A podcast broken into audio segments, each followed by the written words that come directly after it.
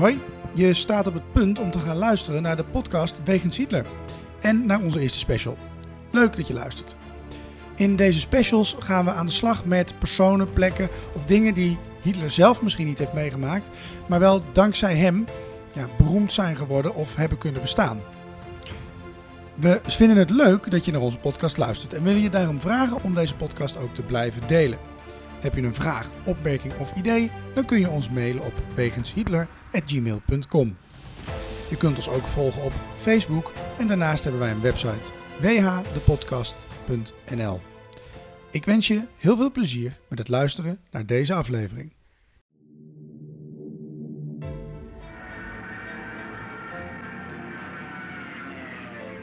Wegens Hitler, de podcast over Adolf Hitler.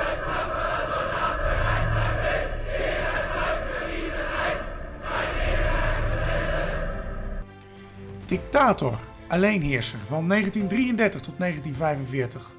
Een man met miljoenen doden op zijn geweten. Das war ein Befehl! Der Angriff Steiners war ein Befehl! Een man waar ongelooflijk veel verhalen over te vertellen zijn. Ook al die jaren na zijn dood. Adolf Hitler heute Nachmittag Befehlsstand in der Reichskanzlei bis zum letzten Atemzuge gegen den Bolschewismus kämpfen für Deutschland gefallen ist. In deze podcast gaan Sjoerd en Niels van Andel de wegen van Hitler af. Ze kijken naar bijzondere plekken, naar vroeger, naar nu. En ontdekken samen met de luisteraar het bijzondere verhaal van de Führer van Nazi Duitsland. Ja, Sjoerd, de eerste special die we ooit gaan maken. Ja, dit is een gedenkwaardig moment weer, zoals Ja. alle uitzendingen eigenlijk. Ja, alles is gedenkwaardig wat wij doen. Maar we beginnen vandaag met onze eerste special. En eh, wij kregen van een luisteraar de vraag of wij niet eens een keer wat over... eh, ja, we hebben het heel tijd over Hitler. Maar ja, zo heet de podcast natuurlijk ook. Hè. Dus het zou Ja. raar zijn als we het ineens over Barbie gingen hebben. Ja, het kan hè. Ik bedoel, kan. we doen alles. Ja, wellicht heeft zelfs Barbie wat met de nazi te maken. Als je maar lang genoeg redeneert. Maar zijn wel eh, Hitler eh, Lego poppetjes en zo. Hè? En, Echt eh, waar? ja, Nou, je- ja, je Playmobil. je leert weer wat Ja. bij hier. Maar dat is vrij naoorlogs volgens mij hoor. Nou, maar je kunt ze wel de arm laten strekken, hè, die poppetjes. Dus het, Dat kan heel het kan al snel.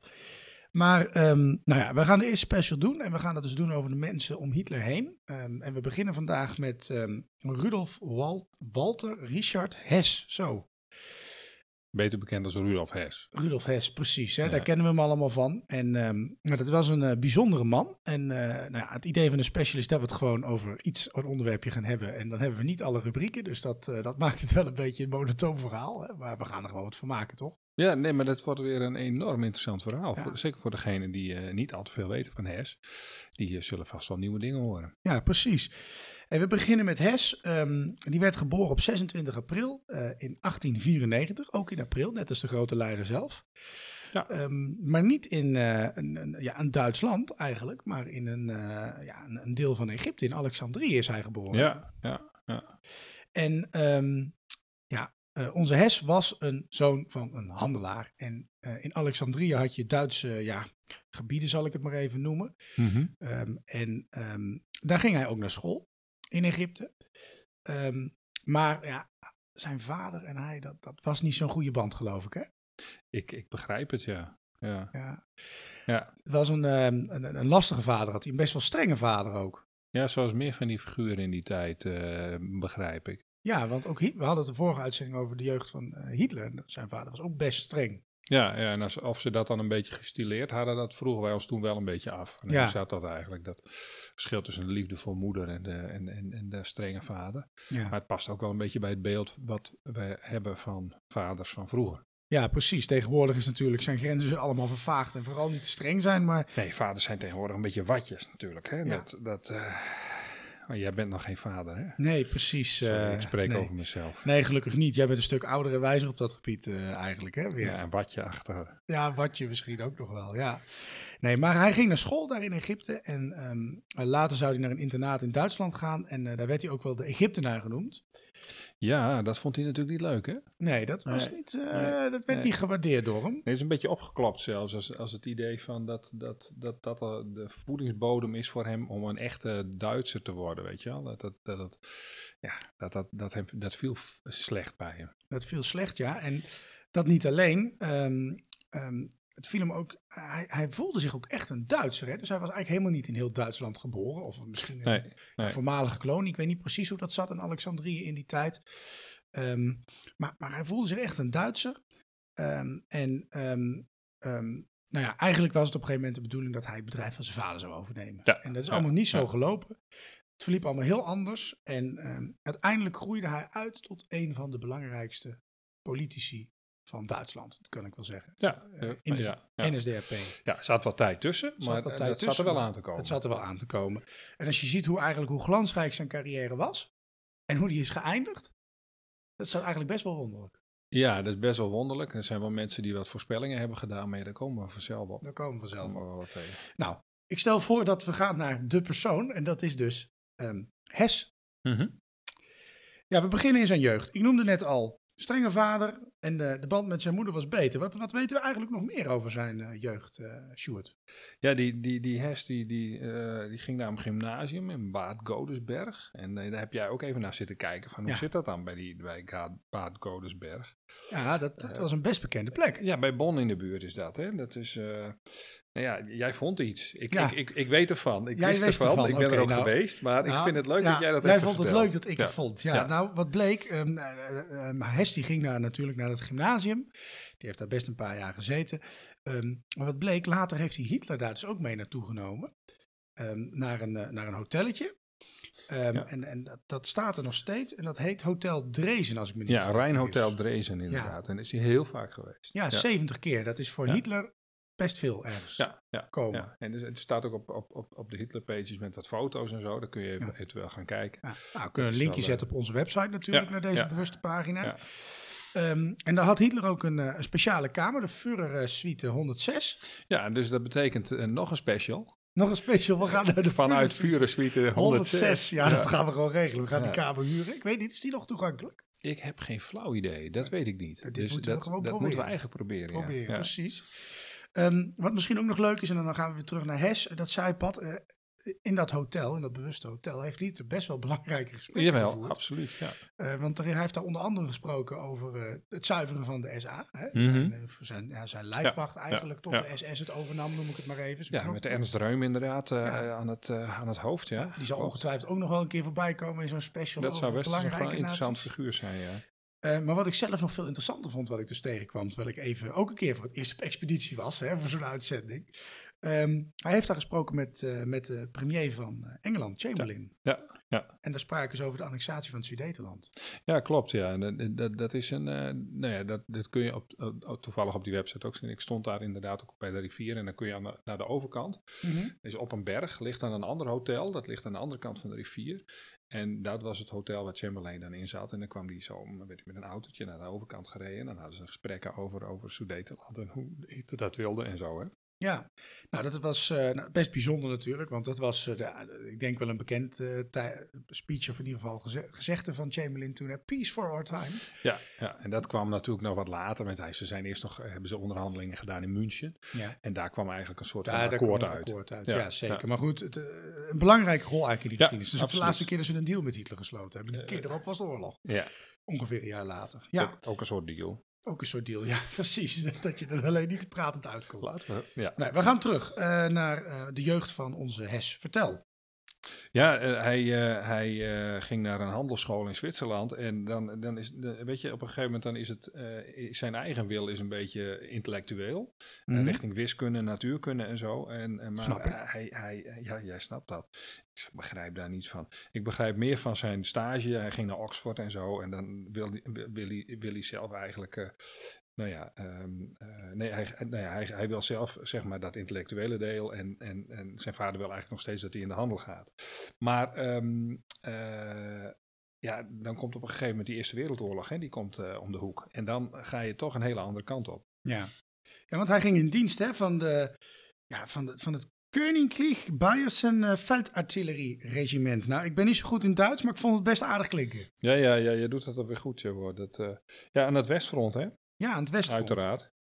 En dan was hij bekend bij een van de. was hij eigenlijk betrokken bij een van de meest uh, gewelddadige slagen uit die hele oorlog, de slag om Ypres. Ja, ja dat was trouwens, uh, dat was trouwens in, in, de buurt van Ypres zat Hitler dan ook weer. Hè? Daar gaan ja. we het nu niet over hebben. Maar nee, maar hij komt zo nog ja, wel even voorbij, ja. geloof ik. Hè? Dat is best wel bijzonder hoe die twee toch bij elkaar een soort van komen. Hè?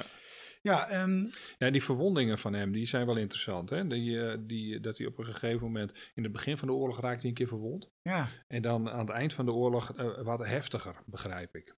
Ja.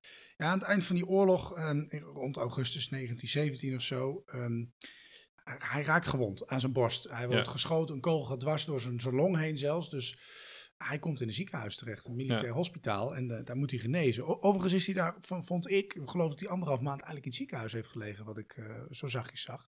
Ja. Ik vond dat wel meevallen eigenlijk voor een kogel door je longen heen. Nou, uh, in ja, die tijd. Ja dat, ja, dat, ja, dat zal wel, ja. En, maar daarna had hij ook nog tijd om uh, een, een, een, nieuwe opleiding te gaan volgen, maar dan een totaal andere. Ja, precies. Meer in de richting van, um, ja, hoe moet ik dat nou zeggen? Piloot. Ja, piloot, ja. vliegenier, ja, ja. gevechtspiloot, uh, denk maar, ik. Maar die heeft hij nooit gebruikt, toch? Nou die, ja, hij schijnt wel eens een paar kleine gevechtjes meegevochten te hebben boven Duitsland, maar erg bijzonder uh, is zijn uh, militaire carrière in het vliegtuig niet geweest. Nee, nee. nee. Later wel. In een, uh, op een later moment heeft hij ja. nog wel eens wat aan gehad. Nou, hij bleef wel vliegen, zeg ja. maar, een tijd lang. Precies. Wat ja. misschien nog goed is om te vertellen over Hess. Hij was best wel een, een heldhaftige soldaat. Hij is met het IJzeren Kruis gedecoreerd. Mm -hmm.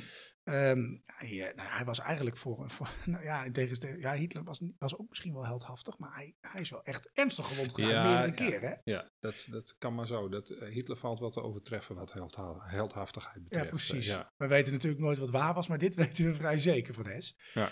Um, wat wel bijzonder was, hè, na die ernstige verwonding met die kogel door zijn long, kwam hij terecht bij um, ja, het reserve-infanterie-regiment. Mm -hmm. um, en de, de, grap of de ironie daarvan is eigenlijk dat Hitler daar koerier was. Die was, ja, de ordonnans heette dat geloof ik ja, in het leger. Ja, in ieder geval bij een reserve. Uh, ja, maar ook, ook hetzelfde. We hebben elkaar nooit gezien. Nee, oh, dat, ja, nee, dat is wel een interessante, ja. Ja, nou ja, hij werd dus uiteindelijk piloot. Heeft hij nooit wat mee kunnen doen. En, en, en wat misschien ook goed uh, is om hier te beseffen, die oorlog wordt verloren. Hè? We zitten in 1917, wordt hij ernstig gewond. In ja, 1918 ja. komt die wapenstilstand. Ja, ja, daar willen ze niet aan natuurlijk. Hè. Die oorlog is niet echt verloren, maar door nee. een dolkstoot in de rug. Dat verhaal kreeg je ja. natuurlijk door de politiek. Mm -hmm. uh, die zou dan volgens de nationaal-socialisten ervoor gezorgd hebben dat het leger zich moest overgeven. En dat had eigenlijk niet gehoeven, want ze hadden die oorlog misschien best wel kunnen winnen. Ja. Totaal onrealistisch en niet met de bewijzen nadat je alles hebt afgerond natuurlijk. Nee. Maar uh, dat was hun uitgangspunt. Nee. En, uh, misschien ook wel te begrijpen, want er was nog geen, geen soldaat gevallen op Duits grondgebied. Hoe anders uh, dat was twintig ja, jaar later. Ja, dus dat, dat, dat, is, dat kon je makkelijk beweren, maar het ging ook niet goed. Nee, het is niet zo dat ze stand hadden kunnen houden. Dus nee, sinds de Amerikanen zich ermee waren nee. gaan bemoeien, was dat een lastige zaak. Een zinloze zaak, inderdaad. Um, gaf die Hess eigenlijk uh, die dolkstook? Uh, van wie kwam die dan, volgens hem? Uh, de, de dolkstoot, ja, van, de, van de, degene die de keizer hadden afgezet en die met de Weimarrepubliek waren begonnen. Hè? Ja. Dat, dat de politici, die hebben ervoor gezorgd dat ze die oorlog verloren. Ja, ja. ja en hij werd... Nou, zeiden ze. Zeiden ze, ja goed. Ja. ja zeg er maar even bij. Strikt genomen, een beetje waar was het wel. De keizer was afgezet, zij hadden de macht natuurlijk. Ja, hè? ja, ja, ja. Uh, maar, maar ook de Joden hadden het allemaal gedaan, geloof ik, hè? Uh, die hebben het altijd gedaan. Die hebben het altijd gedaan. Ja, terwijl, terwijl dat, uh, dat zijn prachtig. Kijk, naar aanleiding van dat soort verhalen zijn wel onderzoekjes gedaan. Mm -hmm. hoe, hoe, hoe dat zat met Joden in, in het leger. En daar waren er zat. En er waren er ook echt hele houdhaftige mensen. En die ook decoraties hadden en weet ik veel wat allemaal. Dus er was eigenlijk geen enkele reden voor. Nee. Maar goed, er zat natuurlijk uiteindelijk een, een compleet wereldcomplot achter, achter alles wat er gebeurde. Dus de communisten waren, dat waren joden. En achter Mhm. mm -hmm. de, de kapitalisten zaten uiteindelijk ook nog joden. Dus kapitalisme, uh, communisme werd een soort één grote brei... waarachter altijd weer een, een schuil ging volgens de nazi's. Dus ja, uh, dat was een beetje het standaardverhaal dat ze dan op disten. Ja, precies. En Nou ja, goed, we, vertelden, we hebben ook eens verteld, eh, er waren ook edeljoden, hè? De, de goede joden, Ja. om maar even zo te zeggen. Dus Ja. misschien die paar die in het leger zaten, waren dan die Nou uitzonderingen. ja, dat, die hadden wel wat eh, respect en hier en daar kom je er wel eens een tegen. Maar goed, het, daar had een grote massa weinig aan. Hey, eh, als echte Hitlerkenner, hè, want dat mag ik je stiekem toch wel gaan noemen, waren er eigenlijk overeenkomsten als je kijkt naar die Eerste Wereldoorlog eh, tussen Hitler en Hess? Nou ja, dat vonden ze wel. Ze vonden elkaar natuurlijk als ex-soldaten in die, in die Eerste Wereldoorlog. Dus dat, dat voelden ze zelf ook als overeenkomst. En dan gaan ze daarna, eh, leren ze elkaar kennen. En eh, gaan ze eh, samen, nemen ze deel aan die putsch. Mhm. Eh, en Hess was daar ook bij. Vervolgens komen ze in de gevangenis terecht. Hess die had wat politieke ideeën die ook in mijn kamp terecht zijn gekomen. Mhm. En ehm, kijk, eh, eh, de, de, gevolgen van de oorlog, die, die, die waren eh, voor, voor Hess en voor Hitler waren die nou ja, wel een beetje hetzelfde. Ze zaten Ja. een beetje in de penarie in de ellende. Ja. En ze zijn wel, zeg maar, daarna in München, toen de oorlog afgelopen was, de Eerste Wereldoorlog, toen, toen zaten ze allebei een beetje in een ander kamp. Eh, Mhm. kamp, moet je mij horen. Kamp. Kamp. Ja, eh, maar goed, dat, is, niet, ja, is niet zo'n heel erg interessant eh, verhaal. Dat, dat, Nee. eh, laten we even liggen. We gaan er heel snel doorheen nu natuurlijk. Hè. We komen al meteen de putsch, maar de- die oorlog is voorbij. Ja. Hess is boos, teleurgesteld, verlaat het Duitse leger. Mhm. Joden hebben het gedaan, de politici hebben het gedaan. Hij gaat naar München. Waarom? Ja, hij, hij, hij gaat er sowieso ehm, eh, meubels verkopen. Hij moet aan het geld komen. En hij gaat een studie doen. Ja. Dus, ehm, eh, en, en daar komt die ene professor Karl Haushoven komt hij tegen. En dat is een interessant figuur. Dat is ook heel bekend als het om Hess gaat. Die, die man die, eh, die heeft een bepaalde visie op, op, op geopolitiek. Mhm. Ehm, nou ja, het is daar sowieso een roerige tijd. Hij is, is daar betrokken bij een soort van, van, van denkclubje. Dat is het Thule-gezelschap. En Mhm. daar zitten wel meer eh, mensen bij. Die, we hebben het er ook al eens een keer volgens mij over gehad. Die eh, antisemitisch zijn. Eh, Dietrich Eckart zit daarbij. Die, die, die mentor van Hitler, weet je wel, waar we het over Mhm. hadden. En ehm, eh, die, ja, die Führercultus speelt daar weer een rol. Dan, er moet een grote, sterke leider voor Duitsland komen. En ehm, eh, nou ja, goed, die, die, die ehm, daar, daar ontmoet hij voor, eh, via, via die, die, die, die Dietrich Eckart en zo. En die Mhm. contacten ontmoet hij dan zo gaandeweg ook Hitler. Ja, via in, die contacten. 1920 ongeveer was dat. Zoiets, ja. ja. En ehm, er is een, nou, een bekend citaat. Een citaat wat hij eh, gezegd zou hebben, in zijn dagboeken geloof ik, eh, geschreven zou hebben, is Ja. eh, als hij hem ontmoet. Ja, ik heb het opgeschreven. En eh, misschien leuk voor de luisteraars. Ik heb de vorige uitzending een grapje gemaakt over het lettertype. Dus ik heb het kleine lettertype nu gekregen. Ja, dat was Eh, straf. meteen straf. Je mag mijn blaadje eh, wel hoor. Nee, prima, ik red het. Ik heb al een bril. Ehm, even kijken. Hij zei over Hitler: Ik heb vandaag een man horen spreken. En als iemand ons kan bevrijden van de ketenen van het verdrag van Versailles, dan is hij het wel. Deze man, deze vreemdeling, zal onze eer weer herstellen. Ja, ja. Ja hij, hij geloofde sowieso in een, een machtige, sterke eh, heerser die Ja, ook in de sterren, hè, mythologie, had hij heel veel mee. Ja, hij, nou, zo, er was iets van een, ja, gut, eh, mag ik dat koppelen aan de sterren en de mythologie? Maar er was een soort vreemd dingetje aan hem. Er zat een steekje los mogelijk. Heeft hij dat gecultiveerd? Ik weet het niet. Daar Nee. komen we straks Ja. ook nog, hebben we het straks ook nog over. Ja. Hij leert Hitler kennen. Is meteen vol van hem, Ja, mag ik toch Ja, wel zeggen. ja. Dat, dat blijft hem ook achtervolgen. Dat hij, hij is soms zo vol van de vuren dat mensen hem zelfs een beetje beschuldigen van... Goh, is dit nou bewondering of is dit verliefdheid? Hè? Ja, Zoals- en dat gebeurt ook wel weer vaker. Hè? Dat, dat, dat mensen, en Albert Speer, daar is ook zoiets over Ja. gezegd. Dat dat toch ook wel een soort van mannenliefde was. ja. En ja, weet je, het- geen idee. Het, eh, ehm, eh, ja, dat kan misschien ook gewoon een innige vriendschap zijn geweest. Ja. Voor zover dat mogelijk was met Hitler. Ja, goed. En met Hess. Want Maar Hitler ging, eh, tenminste dat is een beetje mijn conclusie van alles wat ik over Hitler weet, ging alleen maar met mensen om waar hij zelf wat aan had. eh, ja, nou ja, misschien Als je er wel. beter van kon worden. Ja, misschien wel, ja. ja, Ja. ja. Wat was de rol van, eh, van Hess misschien toch interessant in die putsch van Hitler? Weet jij dat? Weet jij het? Ja, ik, weet het wel. Maar, Nou, vertel eens. nou ja, goed. eh, nee, ja, goed. Hij schijnt eh, wel die minister-president daar bewaakt te moeten hebben. Hè? Ja. Hij is eigenlijk overigens nooit betrokken geweest. Hij is, veel meer dan dat heeft hij ook niet gedaan. Hij is niet bij die schietpartijen zo geweest. Hè? Nee, nee. Op dat plein daar. Hij is gevlucht. Ehm, En was doodsbang dat hij 20 jaar de cel in ging, eigenlijk. Ja, net als de rest. Die Net hadden dat zo rest. kunnen riskeren. Hè? Als ze naar een andere rechtbank waren gegaan, kwamen wij tot de conclusie. Dan, ja, ja. Dan, dan, dan was het goed misgegaan. Ja. Ehm, maar hij heeft toch uiteindelijk besloten, nou, toen Hitler maar vijf jaar cel kreeg, een lachertje eigenlijk, hè, voor Mhm, hoogverraad aan mhm. de staat.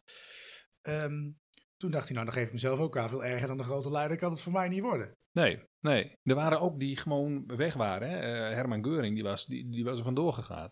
Die, zat, die, is, die heeft een lange reis door Italië gemaakt. En toen is hij in, met, zijn, met zijn vrouw is die in, in Scandinavië terechtgekomen. Dus die heeft een beetje de tijd uitgezeten. Ja, precies.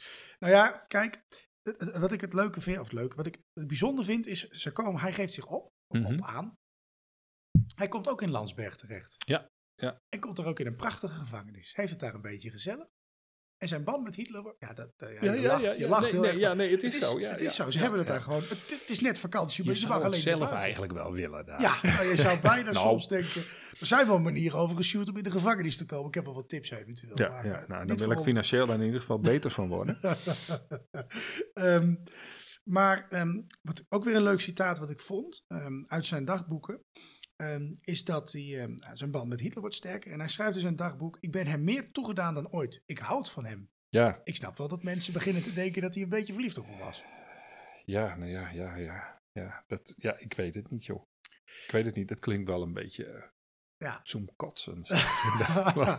ja, een- beetje zo'n klef stelletje. Ja, kan maar- ik ook slecht tegen. Maar goed, ehm, ze zitten samen in die gevangenis. Heb jij, ehm, wat deden Hitler en Hesta samen? nou, Behalve van elkaar houden. Ja, nee, eh, nou hou op. Ehm, eh, nou, weet je, zij, zij zouden daar in ieder geval samengewerkt hebben aan, aan mijn kamp. Maar die, die rol is later is die enorm vergroot. Dat Hers daaraan meegewerkt had. Eh, en dat er ideeën in zaten waar hij het mee eens was. En, en waar ze het ook over gehad hebben, denk ik. Dat kan heel goed kloppen. En die, die, die, die ideeën hadden vooral met ge- geopolitiek te maken eh, en, en, en, en levensruim. Die, die ideeën die hij van die, van die meneer eh, uit, uit van de universiteit, Haus, Haushover, had, eh, had overgenomen, Mhm. die, die kwamen ook in dat boek terecht. Ja. En dat had, levensruim is, zeg maar, je, je- Ja. Duitsland moet overleven. En, En heeft ruimte nodig om zijn grote ambities, waar ze recht op heeft, waar te kunnen ja, maken, en toch? dat is helemaal niet zo'n heel erg gek idee, omdat, ehm, eh, om, om, om, omdat kijk, andere landen deden dat al lang. En die hadden al overzeese gebieden en, en, en, en eh, waar, ze, waar ze voedsel vandaan konden halen. En Duitsland had dat niet. En die Nee, werd ook heel laat gevormd, hè? pas eind 1800. Dat was ook een logische verklaring waarom ze Ja. eigenlijk niks hadden, want alles was al bezet. Ja, en na de Eerste Wereldoorlog vonden die andere landen het wel prima dat Duitsland eigenlijk gewoon een beetje een halfslachtig boeren eh, eh, landje was. Dat, dat zichzelf maar een beetje moest verzorgen. Die moest het echt van de import hebben. En dat, en dat was, nou ja, daar was Hitler waarschijnlijk. Ja, en dus wilden ze uitbreiden naar het oosten. Ja. Dus het was op zich helemaal niet zo gek. Het was wel een verouderd idee. Eh, maar toch, dat, eh, nou ja, en, en die Haushofer, dat was trouwens iemand die, die was ook echt voor, die, voor de groot-Duitse gedachte. Dus dat, daar hield Hitler ook wel van. Eh, dat alle Duitsers binnen één, één land zouden moeten wonen. Dus ook degene die in, Tsjechië woonden of in, in Polen of wa- wat dan ook. En hij was voor de Verenigde Staten van Europa, meneer Haushofer. En dat is een hele interessante. ja, maar dat speelt nu nog. Ja, en, en, en Ik moet meteen denken aan een leuk grapje van Arjen Lubach. Die heeft Nou. wel eens een keer onderwijsfilmpjes gemaakt. En Ja. toen- Je kent het programma Zondag met Lubach, Ja, denk ja, ik ja, aan. ja. En toen, ehm, toen ging het ook over een verenigd Europa. En toen zeiden ze van, eh, we wilden eerst één Europa. Maar dit plan van Adolf Hitler is mislukt. ik Ja, moet zeggen, ja. ik zit dan altijd voor op de bank het hard te lachen. Maar ja, die is. eh, ja, ik onderbrak je heel abrupt. Vertel Nee hoor, dat, was wel, eh, dat mag wel. Arjen Lubach die mag ook een keer komen praten hier. Ja, precies. Ehm, nou, wat ook interessant is, jij noemde die, die edeljoden al even. Hè? Mhm. Die Haushofer was ook een jood. Ja, En dat is wat, wat Hers dus heeft gedaan, is hem beschermd eh, later, zeg maar. Toen, hij, toen, hij, eh, eh, nou ja, toen het zover kwam dat die jodenhaat wel heel erg toenam en dat mensen werden gedeporteerd. En dat is dus ook wel weer opvallend. ja. Detail, maar toch. Ja, maar dus dat wat eigenlijk bijzonder hè, als je erover na gaat denken. Een Jood die voor levensruim van Duitsland is en uiteindelijk wordt het hele Joodse volk zo'n beetje uitgeboord. Die dat in de weg zit.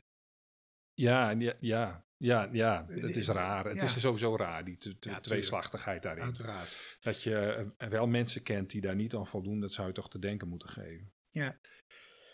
Ehm, um, 1920 zijn we. Mm -hmm. um, nou, ja, uh, met, met, met die uh, Landsberg zitten we daar natuurlijk al lang ja, voorbij. Hè? Uiteraard. Dus, um, in de jaren 20, laat ik het dan zo zeggen. Ik bedoelde eigenlijk uiteraard natuurlijk de jaren 20. Hitler, was, eh, of, eh, Hitler en Hess eh, waren close. Eh, Hess was nog ook nogal vol van de Führer. ja, hebben we het eigenlijk al over gehad. Hè? Dus dat, Ja, dat, er zijn nog wel wat meer dingetjes over Ja. te zeggen, inderdaad. En ehm, ja, hij bracht allerlei essays ook uit hè, over Hitler. En, Ja, eh, dat, is, nou, dat sluit heel erg aan op wat, wat jij net voorlas. Hè? Die, die, die, die, eh, die, die, die, die verhalen over de grote man, waar we het over gehad hebben. En dat, en dat het een man met karakter moest zijn. mhm. En dat hij om zijn doel te bereiken bereid moest zijn om, zijn best, om over zijn beste vrienden heen te lopen. Weet je wel? Mhm. De- zo karakteriseerde Hess de grote vuren die eh, zou komen. Toen kende die Hitler trouwens al wel toen hij dit schreef. En dat is ook voor die putsch ja. dat hij dat schreef. Eh, maar eh, dat was ook een soort algemene beschrijving van hoe een dictator eruit moest zien. En daar waren wel meer mensen mee bezig geweest. Dus, nou ja, goed. Ehm, eh, ja, het was eigenlijk meer van er is een man die dit Duitsland moet redden. En hij vond dat in Hitler. ja, ja. En, dan, en dan wordt hij na zeg maar die, die, die, die gevangenisstraf, dan, dan wordt hij een soort secretaris van Hitler. En, Ja. eh, Hij, hij wordt daarin ook wel eens de hoogpriester van de Hitlercultus genoemd. Hè? Ja, ja, en dat zie je ook wel terug. En dat hoor je ook wel terug. En hoe hij soms Hitler, zeg maar, sta- staat op, het volk staat op te zwepen en tegelijkertijd Hi- Hitler vereert. Er zijn wel beelden van, misschien kunnen we daar wat geluiden van laten horen. Maar dat is eh, ongelooflijk. Ja. Het is eh, leuk om Ja. te zien. eh, nou ja, leuk. Ja, leuk, ja. eigenlijk- ja, eigenlijk wel. Ja, nou dan stel ik voor dat we start de band doen.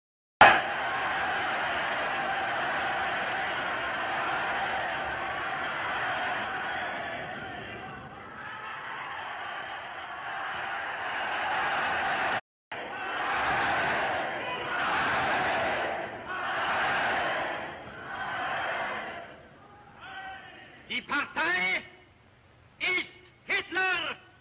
Hitler aber ist Deutschland, wie Deutschland Hitler ist. Hitler siegt!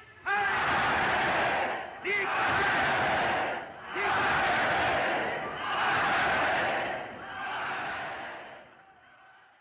Ja, ehm, je noemde net al, hij wordt secretaris van Hitler. Ehm, eh, nou, we hebben net gehoord hoe hij de Führer eh, aanzweept, hè, aankondigt. Ehm, ehm, wat ik zelf ook wel eh, een geestig detailtje vond, wat ik vond, hij moest op een gegeven moment een beetje op aandringen van Hitler, met al die geruchtjes over zijn homoseksualiteit gewoon gaan trouwen. Ja, ja. ja, dat is, Dat is ja. gewoon, ja, Ja. Hitler dacht gewoon, ja, maar die moest daar sowieso niks van hebben. We hebben het ook over die, die, die komt jo- geen jonge Polonaise, heeft hij gedacht. Nee, dat weet ik niet. Geen flauw idee. Hij heeft gedacht van eh, dit, dit schaadt mijn eh, politieke nou ja, de- de vooruitgang. En dat had hij met die jonge meisjes natuurlijk ook. Ja, Dus op zich was hij niet, een- ja, weet je, je hebt die, die, die, die, die eh, eh, leider van de, van de SA ook, hè, die was ook openlijk was die homoseksueel. mhm. En eh, op zich, in, in, in het begin had hij daar niet zoveel problemen mee. Maar als het de zaak gaat, ja, ja, dan wel. Dan, wordt het een probleem. Ja, nou leuk dat je over die man van de SA begint, want die wordt opgeruimd samen met wat andere mensen. Mhm. En dat is niet slecht voor onze hersen in de jaren 30. Ehm, nee, nou, nou Hess wordt sowieso een, man van statuur. Want die, die, die, die wordt secretaris-generaal van de NSDAP. Die eh, eh, wordt de plaatsverhanger van Hitler in de partij. Niet, niet als, eh, als, als ze aan de macht komen in 1933. Maar dan is Geuring is namelijk de man die de tweede in de staat is. Hè. En dan Hess komt op een gegeven moment, wordt hij officieel de derde man. Dus als Geuring ook iets overkomt, dan was Hess aan de beurt. Hij, maar hij zat ook in de, eh, eh, was lid van de kabinetsraad, de geheime kabinetsraad. Dat is best wel een prominente functie. Dus Ja. ja, dus, ja hij, hij, hij had wel iets te zeggen, maar ja. daar zijn ook wel weer vragen over. Ja, precies. Want jij zegt al, hij had wel iets te zeggen, maar ja, hij werd toch uiteindelijk een minister zonder portefeuille. Zo heel veel had hij ook weer niet te vertellen. De baas van de partij, maar ja. Ja, nou ja, weet je, als je een, een echt een portefeuille hebt. eh Goebbels ging over propaganda en eh, die, kon, die kon natuurlijk van alles voor elkaar krijgen. Eh, en als je de, de, de chef van de, van de partij was, dan op het moment dat je partij aan de macht is, ja, dan is dat minder interessant. En als je dan ook nog totalitaire macht hebt, ja, Ja, dan hoef je helemaal geen moeite meer te doen. nee. En dat wil niet zeggen dat Hess niet belangrijk was of zo, maar hij op een gegeven moment verdween hij wel een klein beetje naar de achtergrond qua macht. Ja, en dat, daar had hij het ook moeilijk mee. Ja, Ja, ja. Ehm, zijn, zijn macht zat hem vooral eh, op een gegeven moment in. eh, nou, Hitler regeerde bij decreet. Hè. Eh, Mhm. we gaan het ongetwijfeld nog een keer hebben over de Rijksdagbrand en de machtigingswet en dat soort zaken. Hitler is op een gegeven moment als enige de baas. En Hess vertaalde dat beleid eigenlijk naar ambtenarentaal. Van li- lieve ambtenaartjes, jullie moeten dit en dit gaan doen. Mhm. En, en hij was eigenlijk de opperambtenaar. Kun ik dan wel eigenlijk, zo zou ik hem willen noemen. Eh, ja, ik weet niet of daar nog meer opperambtenaren tussen zaten. En natuurlijk de ministers van hun eigen ministeries hebben ook wat ambtenaren onder zich. Ehm, hoe dat precies eh, zat, en daar weet ik niet zoveel van. Maar dat- Nee, jij hebt je daarin maar- verdiept. Nou ja, geen idee, maar ik, ik noem het maar even zo. Ja. Ik, ik zie voor me dat hij zo'n soort ja, hoofdambtenaar eh, daar toch een beetje op toekijkt. Ja. Ehm, ja, Hess, hè, die was ook eigenlijk best wel populair, geloof ik, in de jaren dertig. Eh, ja, nou ja, als je, als je hem ziet op die, op die, op die beelden, hè, dan, dan eh, hij bespeelt dat volk ook een beetje. En, en misschien is hij ook wel echt onder de indruk, want dan draait hij zich om, dan draait hij zijn hoofd naar, naar, naar Hitler toe. Zo lijkt het. En dan, dan, dan roept er weer iemand uit de zaal.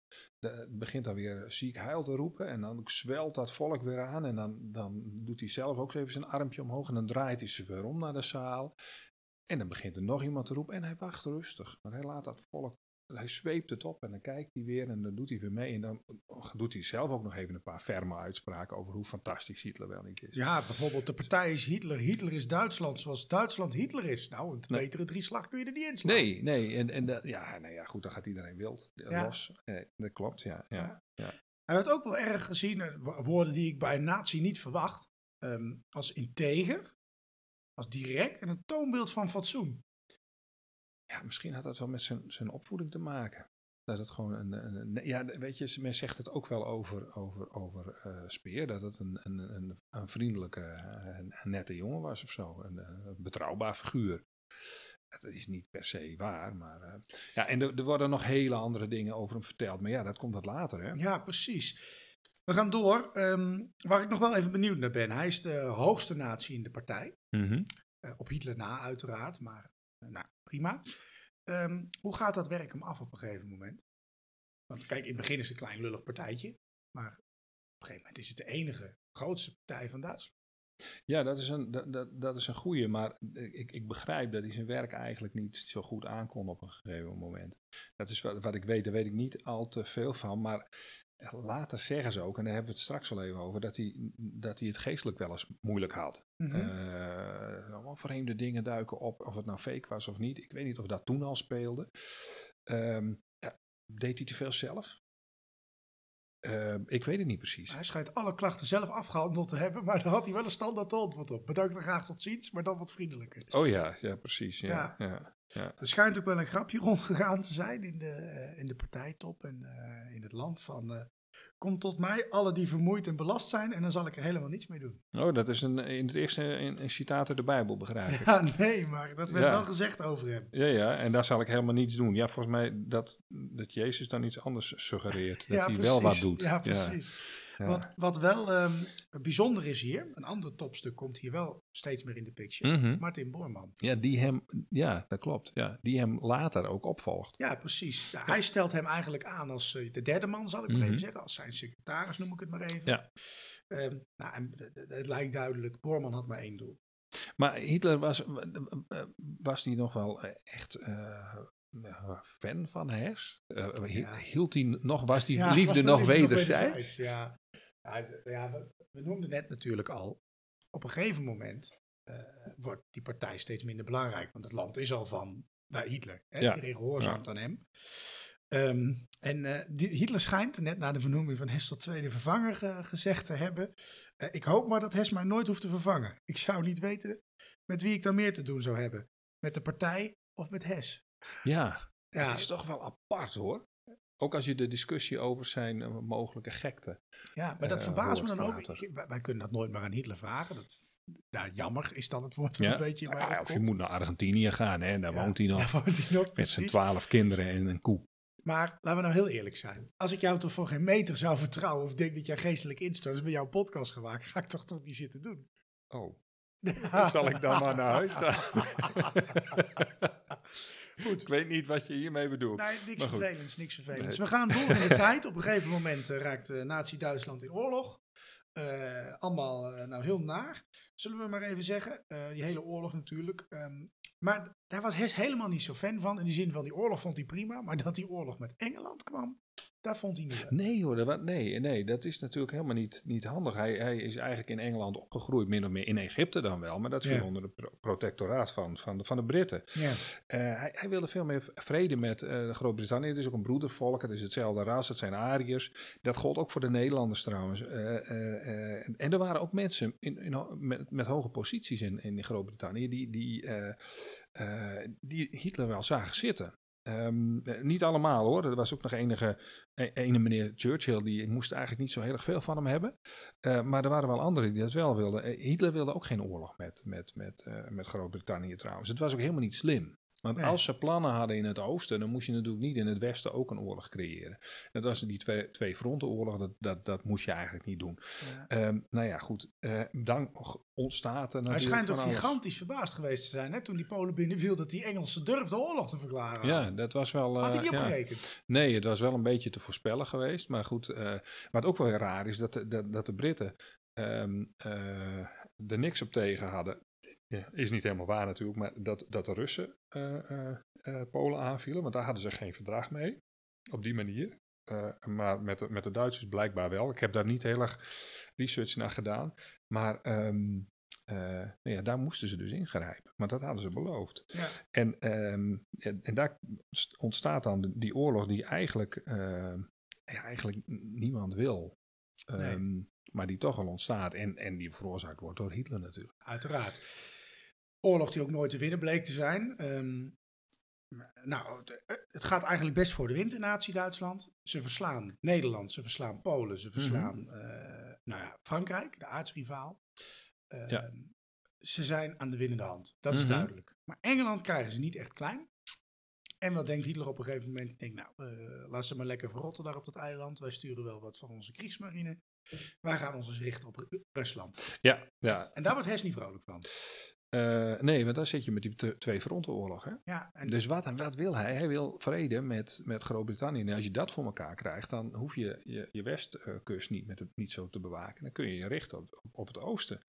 Dus ehm, hij, hij, er begint iets in zijn hoofd te spoken. Of dat al eerder of zo was, dat weet ik niet. Maar in ieder geval neemt, neemt een ander idee neemt het over. Hij, hij wil naar Schotland en hij wil eh, eh, contact opnemen met de adel daar. Zodat hij kan onderhandelen via adellijke mensen die een beetje pro-nazi zijn. eh, dat hij dan misschien wel ergens in Londen terecht kan komen. eh, en ja, daar wat fixen. Iets Ja. regelen. het leuke eh, is dat hij daar een soort, soort, soort ja, nou, ik mag, dat- hoe heet dat nou? De adel daar, een adelman die helemaal niet zo lekker ligt bij de Engelse regering uitkiest. Meneer Hamilton bedoel je? Ja, Ja. Ja, nee, die zit al lekker in Schotland. Aan de whisky stel ik me zo voor. ja, die zat met de reden in Schotland en niet in Londen mee te vergaderen. Ja, nee, maar er waren er meer die, die, die wel wat sympathie hadden voor, voor, voor, voor, de nazi's. eh. Ja, ze bouwden ook wel wat op, hè. Van, van niks. Ehm, nou ja, goed. Dus, dus, dus, dus, dus die, die, die Hess die denkt van ja, hoe moet ik dat nou doen? En dan komt zijn opleiding van piloot komt ineens om de hoek zeilen. hè. Hij stapt in een Messerschmitt, eh, eh, vliegt over de Noordzee naar Schotland. Ehm, dat weet alleen eigenlijk een paar adjudanten van hem of een paar ondergeschikten van hem. En dan is er nog sprake van een brief die hij aan, aan die man geeft en die geeft hij dan door aan Hitler. Maar eh, nou ja, hij, hij is inmiddels in, inmiddels in de lucht. En daar zijn er allemaal verhalen over. Dus dat, dat, dat Hess op een gegeven moment omgewisseld is met iemand anders, want er, er zou een dubbelganger zijn. Dat laat ik even allemaal eh, rusten. Is heel interessant om daarover te lezen. Er is zelfs sprake van dat er een vliegtuig uit eh, Scandinavië komt om in, in plaats van het vliegtuig van Hess eh, naar Schotland te, te varen. En dan is Hess is neer- neergeknald boven zee. Nou, eh, heel interessant. Eh, maar wat je concluderen moet als, als je de, de wrakken van het vliegtuig ziet, begrijp ik, is dat het hetzelfde vliegtuig was dat opgestegen was in, in, in, in Duitsland. Een Messerschmitt dus. Eh, hij, het is mistig. Hij vliegt door, gaat naar, door naar de westkust, gaat keren omdat hij dan nou ja, beter kan zien hoe, waar hij waar die moet landen. Springt uit het vliegtuig, dat vliegtuig stort neer. En dan komt hij op het landgoed van die, eh, of in de buurt van het landgoed van die Hamilton terecht. Maar hij komt nooit bij Hamilton terecht. Nee, Hij wordt gearresteerd, meegenomen. En eh, eh, ja, eh, dan komt hij eigenlijk de rest van zijn leven vanaf dat moment in de cel terecht. ja. En dan komt hij nooit meer uit. Als ik jou goed begrijp, staat de Britse regering dus niet echt te popelen om ehm, te spreken met onze HES. Nee, nee, en daar zit, zit, zit onze, onze eh, grote Brit eh, zit daar natuurlijk achter. Hè. Ehm, Churchill? ja, je, je kent hem wel. Die, die, die, die, eh, die wil helemaal niet spreken. Dat is ook wel ehm, eh, eh, handig, want hij kon die vredespartij, zeg maar, die zichzelf zo noemde, die vredespartij die wel vrede met Duitsland wil, die kon hij een beetje in toom houden. Als hij te veel vertelde over Hess, hij hield het gewoon stil. Die werd opgesloten, bekken dicht, niks over zeggen. Wij weten van niks. Hitler is een hufter en Hess is hier nooit geweest. Nou ja, dat, dat was een handige truc. Churchill wilde niet, die vertrouwde de nazi's gewoon niet. Nee, misschien ook wel terecht. Ja. Nou ja, ik denk wel terecht eigenlijk met alles Ja, wat we ja, ja. weten. Hitler had wel een probleem. Ja, want, Maar die lag nog te slapen, hè? die had nog niks door in het begin, die nacht tenminste nog niet. nou, dan maar was die- hij nog wakker. S'nachts was hij echt wakker. Dus Ja. ik hoop voor hem dat de ochtend was. Ja, nou maar- ja, goed. Ja, nou ja, dat, dat verschuift bij hem een beetje. Oké, Want als Hess daar naartoe ging, die wist natuurlijk, eh, eh, als die begon te praten over eh, vrede en over het oosten en zo, dan wisten ze waarschijnlijk van, ehm, hoe zit dat dan met, dat, met, met die aanval op het oosten? Die zal dan wel op handen zijn. Of Hess daar de, het, de precieze gegevens over had, dat vraag ik mij af. Maar ja, goed, dat kon 1 en 1 is 2 in dit geval. Ja, hij heeft daar in ieder geval nooit over gepraat, hè, Hes? Nee, Ehm, nee, nee. En ehm, dat, dat komt hem later ook nog duur te staan. Ehm, ja, Hitler, die was eh, op een gegeven moment werd hij dan wakker, hè? eh, Die, die hoort dat ook. En ehm, ja, die, die was woedend. Zoals Ja, we hem kennen uit ja. eh de Untergang, zal ik maar even zeggen. Ja, dat schijnt. Er zijn mensen die dat zeggen. En, en, en één daarvan is Albert Speer. Daar he- heeft hij ook een interview over gegeven. Daar zijn ook, ook eh, bandopnames van. Dus misschien Han, leuk om dat te laten horen. Ehm, die zegt daarover dat, dat Hitler echt gewoon heel hard schreeuwde. Nou ja, Ja. Hij omschrijft dat zelf wel. Nou, we gaan er eh, naar luisteren. I was there in uh, Hitler's um, house in Berchtesgaden, in the Berghof, and uh, the adjutants of Hess were waiting outside in the anteroom. And then, after a short time, they were asked by Martin Bormann to come in to Hitler. And just a few seconds afterwards, I heard a animal cry, I only can say. And uh, it was Hitler, and after that was a, was really a row of uh, disturbance in, in the house, and it were shouting around, where is Göring, where is Goebbels, and give me a phone call with uh, the air ministry, and so on and so on. And I don't think that this was just uh, some fakes that, uh, that they made. Acting for, for whom, because nobody was there um, except two or three of the, of the people who were living on the, on, on the Berghof.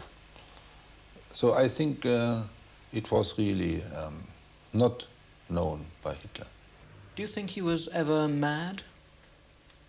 No, not in the way of um, being, being alienated. Um, he is uh, eccentric. Possibly he is also has a, a kind of hyste- hysteria sometimes, but uh, not um, alienated.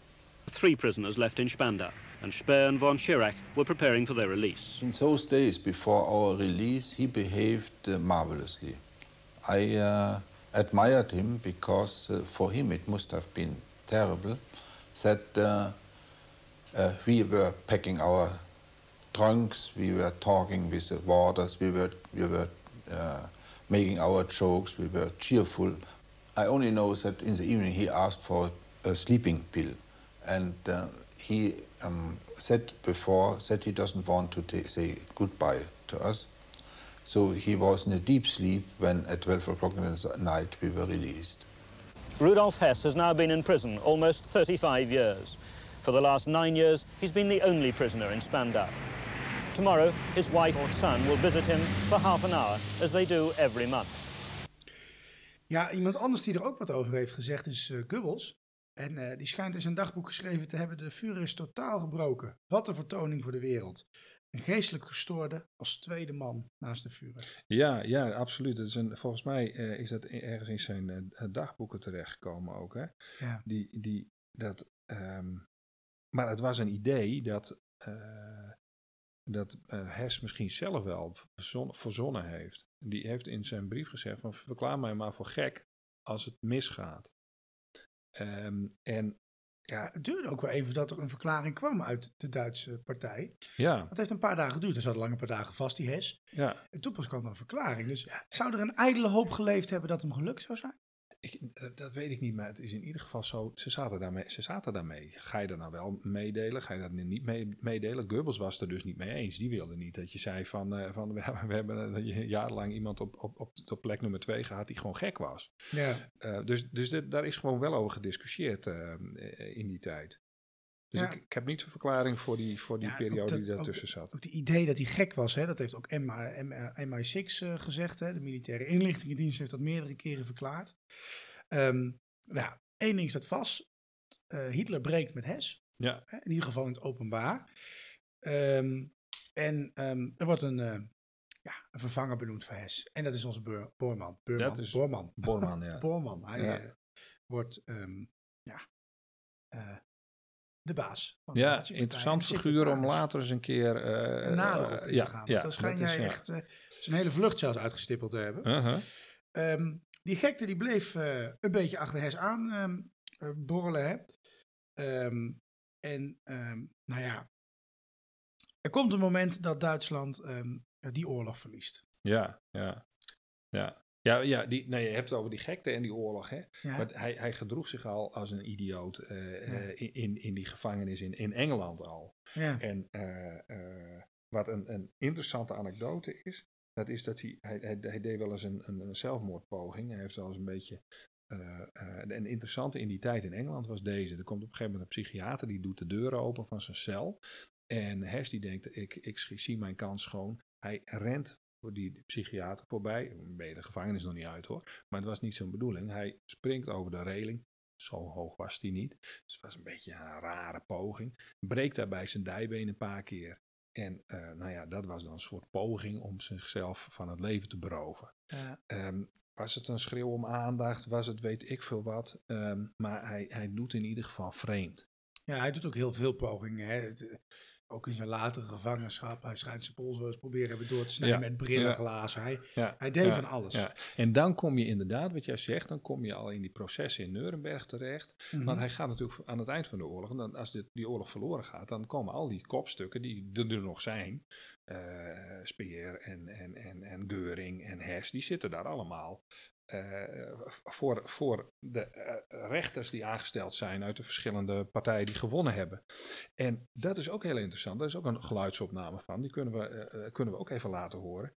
Daarin, die, die heeft te maken met ehm, eh, zijn geheugenverlies. Hij fijnste, of niet, geheugenverlies. Ja. Had hij dat nou echt? Had hij dat nou, nou niet? Eh, psychiaters onderzochten hem. Sommigen zeiden van hij is eigenlijk helemaal niet, niet gek. Hij, is, hij, is niet, eh, hij heeft geen eh, hele vreemde ideeën.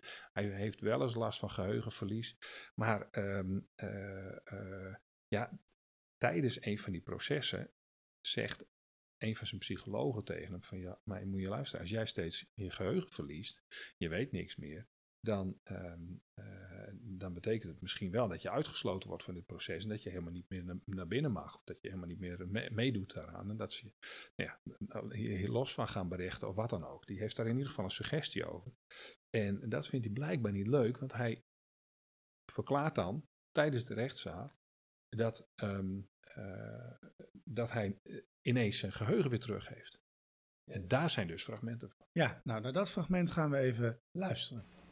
Ich habe gleich zu Beginn der Verhandlung meinem Verteidiger einen Zettel He said that uh, he had been feigning, uh, pretending his amnesia, uh, and uh, he wished the tribunal now to know that he was in possession of his faculties, uh, that his concentration was a little disturbed, but that he could remember now, and he wished to take his place with his fellow defendants and to be tried. This is granted. Ja, een fragment van eh Hes. Ehm, uiteindelijk wordt hij veroordeeld. Eh, hij wordt schuldig begonnen, bevonden aan eh, het meewerken. Ik zal het, ik, de precieze term moet, moet, moet ik je schuldig blijven. Hij wordt schuldig bevonden aan ehm, ja, eigenlijk het voeren van een agressieve oorlog. Of het meewerken aan de vorming van een agressieve oorlog. Ja, er, waren, er was een lijstje met, met dingen waar je voor, van- beschuldigd kon worden. En in feite kwam die er redelijk af. Waarschijnlijk omdat hij ehm, eh, op tijd weg is ge- gegaan. En, en, Ja, ja. en toch, en toch eh, jij zegt komt er redelijk van af, maar het is uiteindelijk de enige natie die zijn hele leven vast heeft gezeten. Ja. En ik, ik moet je zeggen, eh, in de voorbereiding hiervan, ik wist dat natuurlijk ook wel, dat Hess ehm, eigenlijk tot zijn dood heeft vastgezeten. Dat heb ik eigenlijk nooit, dat begrijp ik niet helemaal. Hij, tuurlijk, hij heeft met Hitler die partij opgebouwd en heeft er een belangrijke rol in gehad. Op een gegeven moment werd die rol ook wel symbolisch, Mhm. constateren wij in ons verhaal. Albert Speer heeft gewoon tot het bittere eind tanks laten produceren om die oorlog maar voor te laten duren. En die was na nou, 20 jaar geloof ik of zo, misschien iets korter, iets langer. Moet ik even schuldig blijven het aantal jaren. Weer vrij. Ja, Hess heeft ja. altijd vastgezet. En, en Albert Speer stond ook bekend als degene die, dat, zeg maar, de hal- half goede natie, weet je wel? ja, Ja, en, en ik, ja, ik moet je zeggen dat, die, dat de historici eh, daar tegenwoordig wel anders over denken. In ieder geval over de rol van Speer. ja. Want als je, als, je- als je het aan mij vraagt, dan denk ik, wat ik nu weet en wat ik daarover gelezen heb, dan zou ik Speer eh, heel lang vastzetten. En is er eigenlijk geen reden om Speer niet de doodstraf te geven als anderen wel de doodstraf kregen. ja. En, en, en dat je hersen Ja, want de dan levenslang laat zitten, dat is dan prima, dat kun je Mhm. doen. Maar ehm, er zitten er een paar bij, die, die, die, die komen echt in de jaren eh, 50 en 60 al vrij. Dus, dus dat die is... erger, tenminste, ik- zover ik weet, heeft hij niet meegeholpen aan jodenvervolging actief. Ja, ik bedoel dan de echt grote jodenvervolging. Nee, dan, zit- dan zit je, dan zit zit je bij. Himmler natuurlijk. En eh, de- ja, hij heeft de, de oorlog aan, aan, aan Rusland, heeft, met Rusland heeft hij ook niet meegemaakt. Nee, En die anderen allemaal wel. En eh, de- eh, dan de grote misdaden, die vinden in die laatste periode van de, van de oorlog plaats. Dus, Ja. dus ja, de, de heel, heel gek. Heel, Heel gek, gek, ja. Wat misschien meegeholpen heeft eraan, ehm, is eh, dat hij eh, niet echt spijt had hè, van zijn daden. Nee, nee, nee, nee, maar dat was ook het kamp, in, weet je, het kamp, je had het kamp eh Geuring en je had het kamp Speer. Speer stond vrij alleen hoor.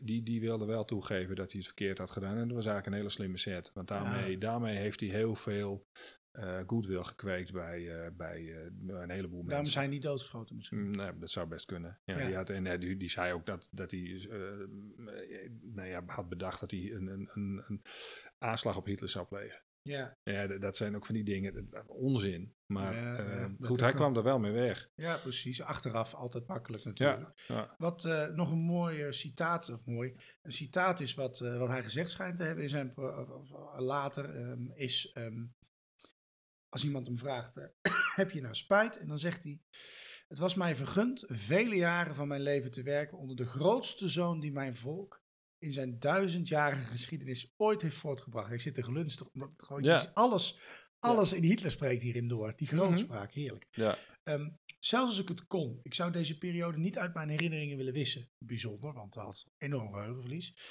Ik ben gelukkig in de wetenschap dat ik mijn plicht jegens mijn volk, mijn plicht als Duitser, als nationaal socialist en als trouwe volgeling van de Führer heb gedaan. Ik heb nergens spijt van. Nou, en hij werd ja, daardoor uiteindelijk ook veroordeeld tot een levenslange gevangenisstraf. Ja, en, en dit zijn discussies die je steeds na de oorlog ziet bij mensen die er dichtbij zaten. En, en volgelingen van, eh, van, van Hitler. Van, eh, eh, zie je op een gegeven moment dat je fout bezig bent geweest, geef je dat toe of niet? En als je dat toegaf, dan, dan verloor je ook je vriendschappen met, met anderen. Bijvoorbeeld zo'n Traudele jongen, dat was een secretaresse van Hitler. Die gaf dat op een gegeven moment toe. Die vond het heel vreemd dat ze als jong meisje erin gestonken was. En, en ja, weet je, dan kom je niet meer in de kring van de andere secretaresses die daar helemaal niet zoveel spijt van hadden. Daar heb je dan geen contact meer mee. Dus dat, Nee. dat, en dat, en, nou ja, hij doet dat ook. Hij blijft trouw aan die ideeën. Maar er waren er ook die dat niet deden. Speer, die deed dat niet.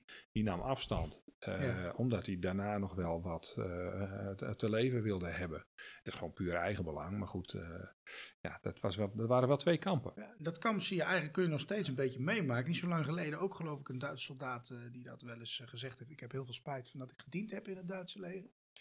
Maar als je bijvoorbeeld in nou, groot, Overloon zit een groot militair museum. Er is ook in die, eh, die expositie is gewoon een, eh, nou, ik denk de beste, man, de beste man inmiddels niet meer leeft, maar die was een Nederlands officier. eh, Best hoge rang. En die heeft gediend bij de Nederlandse SS. Ja. En die zegt, ik heb gediend in het grootste en beste leger ooit. En daar heb ik geen seconde spijt van. Ja, dit Dat vond ik dat, dat- de Ja. rillingen gingen over mijn rug. Dat je Ja. dat nog steeds... Ja, ja de arrogantie van, van, van eh, mensen in het Duitse leger, de- die is, die is best wel groot hoor. Ja.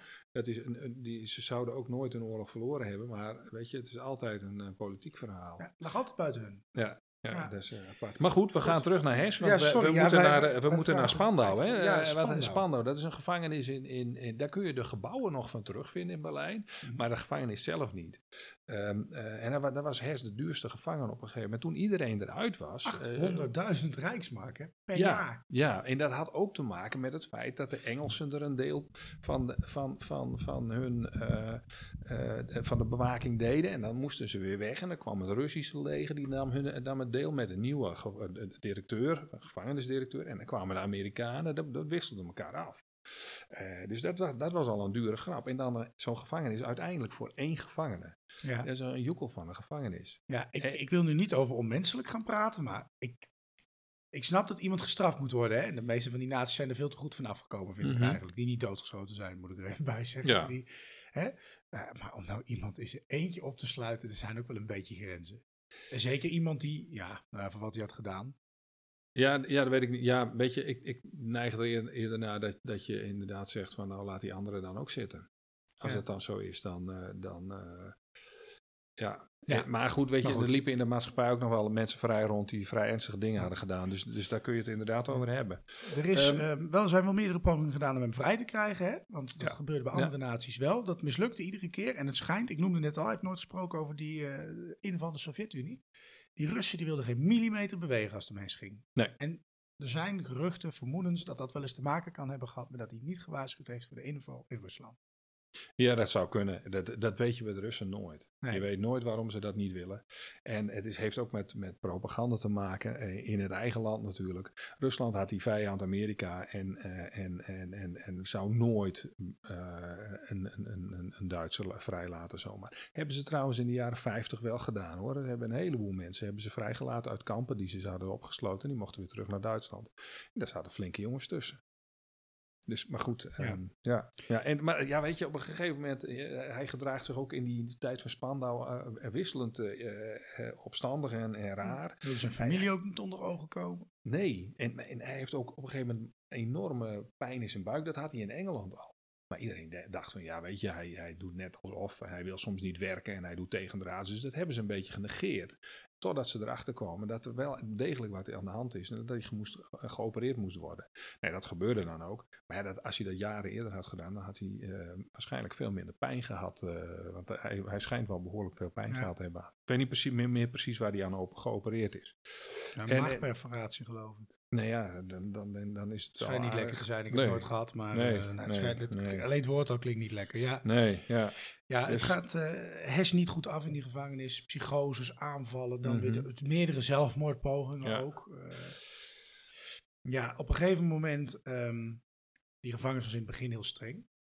Ja. Maar op een gegeven moment was het allemaal wel wat losser. Die oorlog, die is net als ook al nou, een tijd geleden, laten we eerlijk zijn. Ja, plus, plus de, de, de, de, de, de kans dat ze, die gevangenis, dat er iemand van plan was om die, die gevangenen te bevrijden of zo. Dat was Die nam ook steeds meer af. Hè? Ja.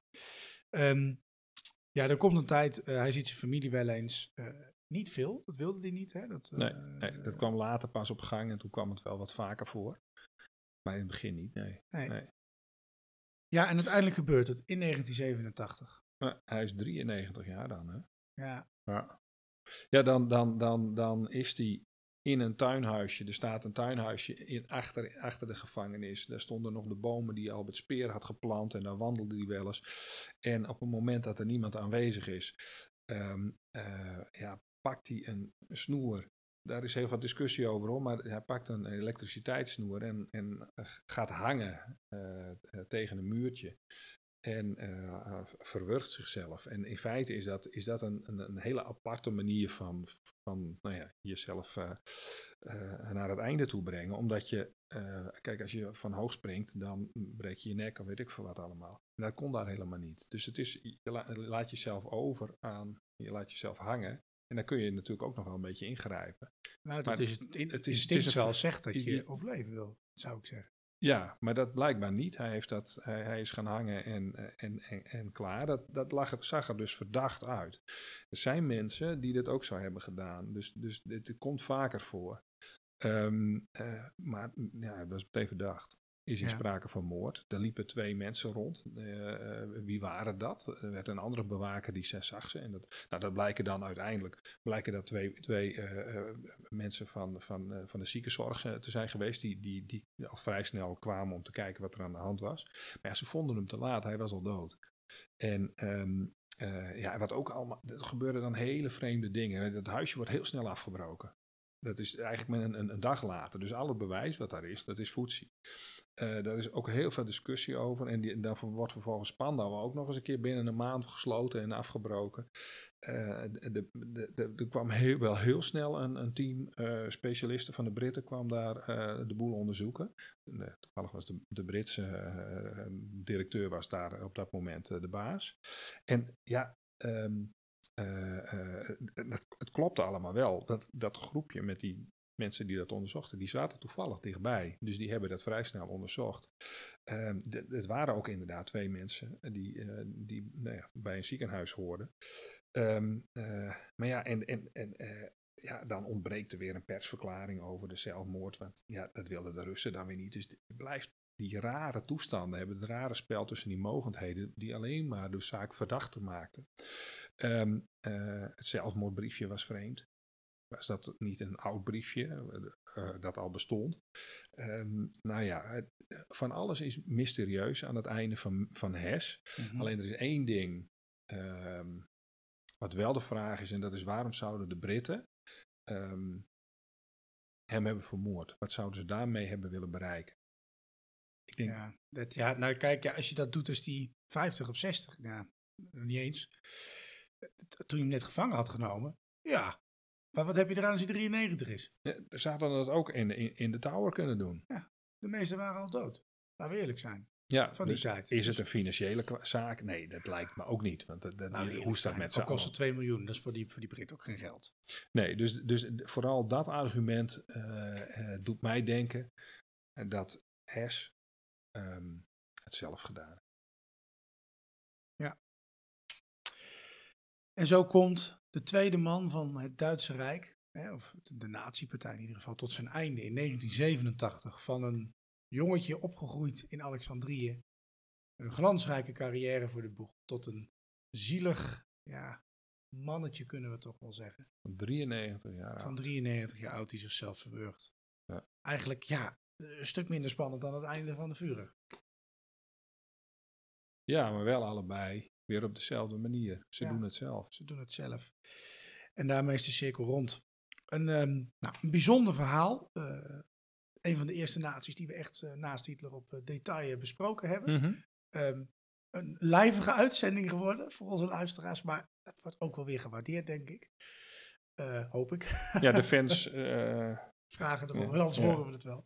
ja. Ehm, volgende week zijn we er met een nieuwe uitzending. En dan over, eh, ja, natuurlijk zelfverheerlijking zou ik het bijna willen noemen. Maar over jouw boek. ja. eh, Escaping eh, Hitler's Bunker. Of Ja. ik weet niet hoe het Nederlands De, gaat. hier. ja, de vlucht uit Hitlers bunker. De vlucht uit Hitlers bunker gaat het Ja. heten in het Nederlands. Ja. Daar gaan we het over hebben. Ehm, nou, dat wordt een hele bijzondere uitzending. Deze uitzending ronden we in ieder geval af over Hess, de man, de hulp, de rechterhand van de Führer van Nazi Duitsland.